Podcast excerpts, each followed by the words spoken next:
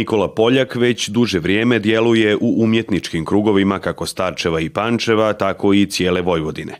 Njegova najveća strast je slikanje, za koje se zainteresirao još u ranoj mladosti. Kad sam počeo da shvatam šta je život, znači kad sam počeo da idem dole po ritu i tako, da šljapkam po barama, po džermovima, na pecanje i tako to. I onda je došlo to da sam ja zavolao tu prirodu.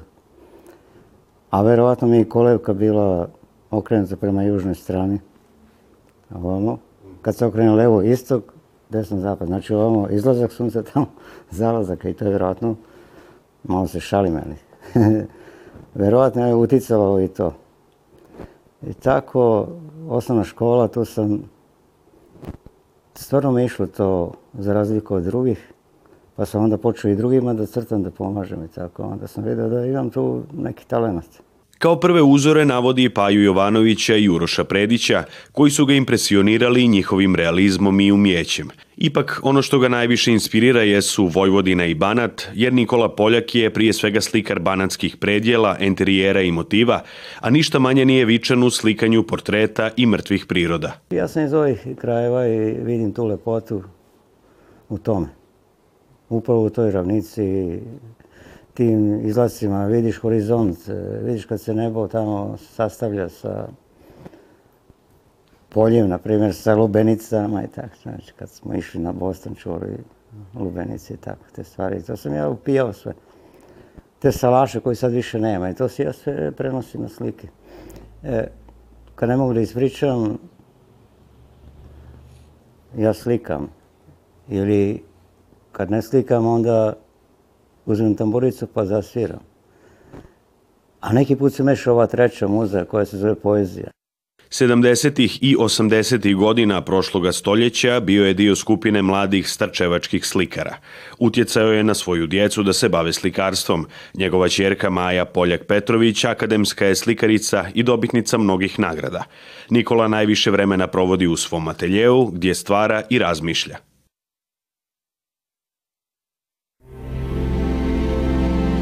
Gledate paletu.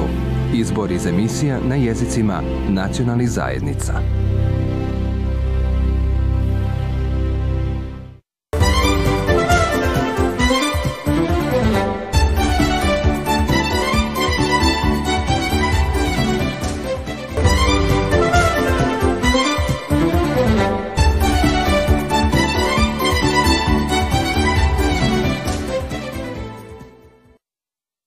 Predstavnici srijemske hrvatskih udruga kulture ističu kako su zadovoljni godinom koja je za nama. Kažu kako je problema bilo, no trudili su se da ostvare napredak i odgovore na izazove koji su se našli pred njima. Godina je iza nas, moram priznati, da bila je dobra. Uprkos svim teškoćama koje smo imali prethodnih godina zbog e, pandemije, koronavirusa, stagnacije u radu, prethodna godina je ipak, ipak bila uspešna koliko toliko jer smo uspeli da održimo neke nama bitne manifestacije. E, najviše se to odnosi na golubinačke mačkare kao našu najveću manifestaciju hvala Bogu, e, živimo, radimo, napredujemo. Napredujemo e, ne u kvantitetu, napredujemo u kvalitetu. Ne želimo više da širimo manifestacije, možda će biti još neka e, više od ovih što imamo. Imamo sasvim dovoljno manifestacija, ali radimo na kvalitetu. Budući da smo imali dobro poznatu situaciju sa pandemijom prethodnih dve godine, ova godina je protekla u znaku ponovnog oživljavanja rada društva, ponovo su pokrenute neke manifestacije koje privremeno nisu bile održavane. Imali smo dva celovečenja koncerta, održali smo celovečenji e, koncert u Požegi u Republici Hrvatskoj. Učestvovali smo na susretima društva Matije Gubec u Donjem Holjcu, na manifestaciji Sremci Sremu u Šidu. Sve u svemu možemo biti zadovoljni godinom na izmaku. Odlazak mladih, kao i već pomenuta situacija izazvana koronavirusom je nešto sa čime se suočavaju prethodnih nekoliko godina, no planovi za novu 2023. godinu već postoje. Taj problem postoji i kod nas u Udrezi, iskreno, eh, ali ne, ne samo ovih godina kada smo bili, da tako kažem, u krizi, nego već i godinama unazad, nažalost, došlo je do neke smene generacija, e, mladih je sve manje, prosto odlaze iz, ovih malih sredina i e, sve manje ih, nažalost, interesuje e, ovakav način hobija, neke zabave ili kako god. Nadamo se evo da ćemo uspeti ponovo da, da malo aktiviramo mlade. Što očekujete od nove godine?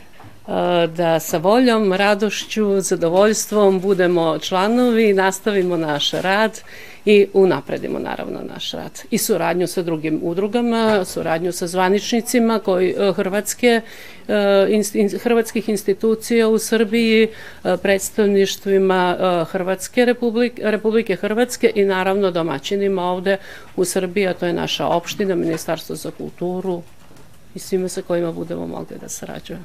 Nadamo se naravno da će biti bolja nego, nego, prethodna godine. Imamo izvesne planove i u, narednoj godini, sve to naravno kao i svake godine zavisi od financije i, od još nekih stvari, međutim nadamo se da, će da nas očekuje još jedna uspešna e, godina. Naši sugovornici ističu da nadu i volju za daljim radom ne gube, a što su zaželjeli i svim našim gledateljima koje su pozvali ovim putem da se uključe i pruže potporu udrugama. Gledate paletu. Izbor iz emisija na jezicima nacionalnih zajednica.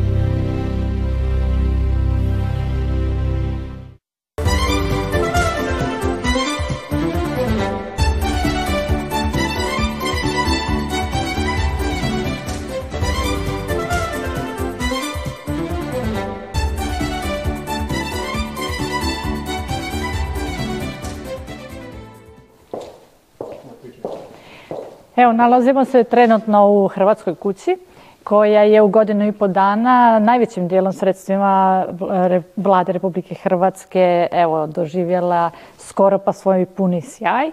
Dignuta je do krova, a sada kreće i posljedna faza završetka svih radova i najviše će se sada vidjeti jer se sada radi i dizajn interijera i uređenje interijera.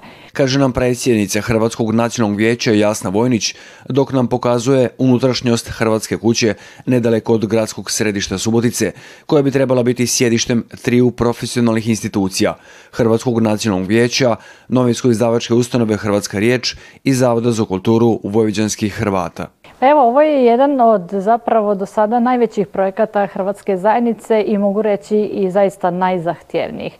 E, drago nam je ne samo u tom smislu da ćemo dobiti instituciju koja će biti reprezentativna i koja će biti krovna za tri naše ključne institucije, da ćemo imati e, znači i racionalizaciju naših troškova, da ćemo biti svi na jednom okupu što će omogućiti lakše organizaciju rada, nego i iz razloga što će ovo biti jedan svojevrsni spomenik kulturi kulture za djecu, naše djece. Ovo će zaista ostati godinama iza nas i ovo će biti zapravo i e, svojevrsni dokaz i spomenik kako Republika Hrvatska stoji iza nas i pruža podršku opstojnosti Hrvata u Srbiji. Sugovornice navodi kako je riječ o investiciji ukupne vrijednosti oko 1,5 milijuna eura koji su osigurani iz Hrvatske.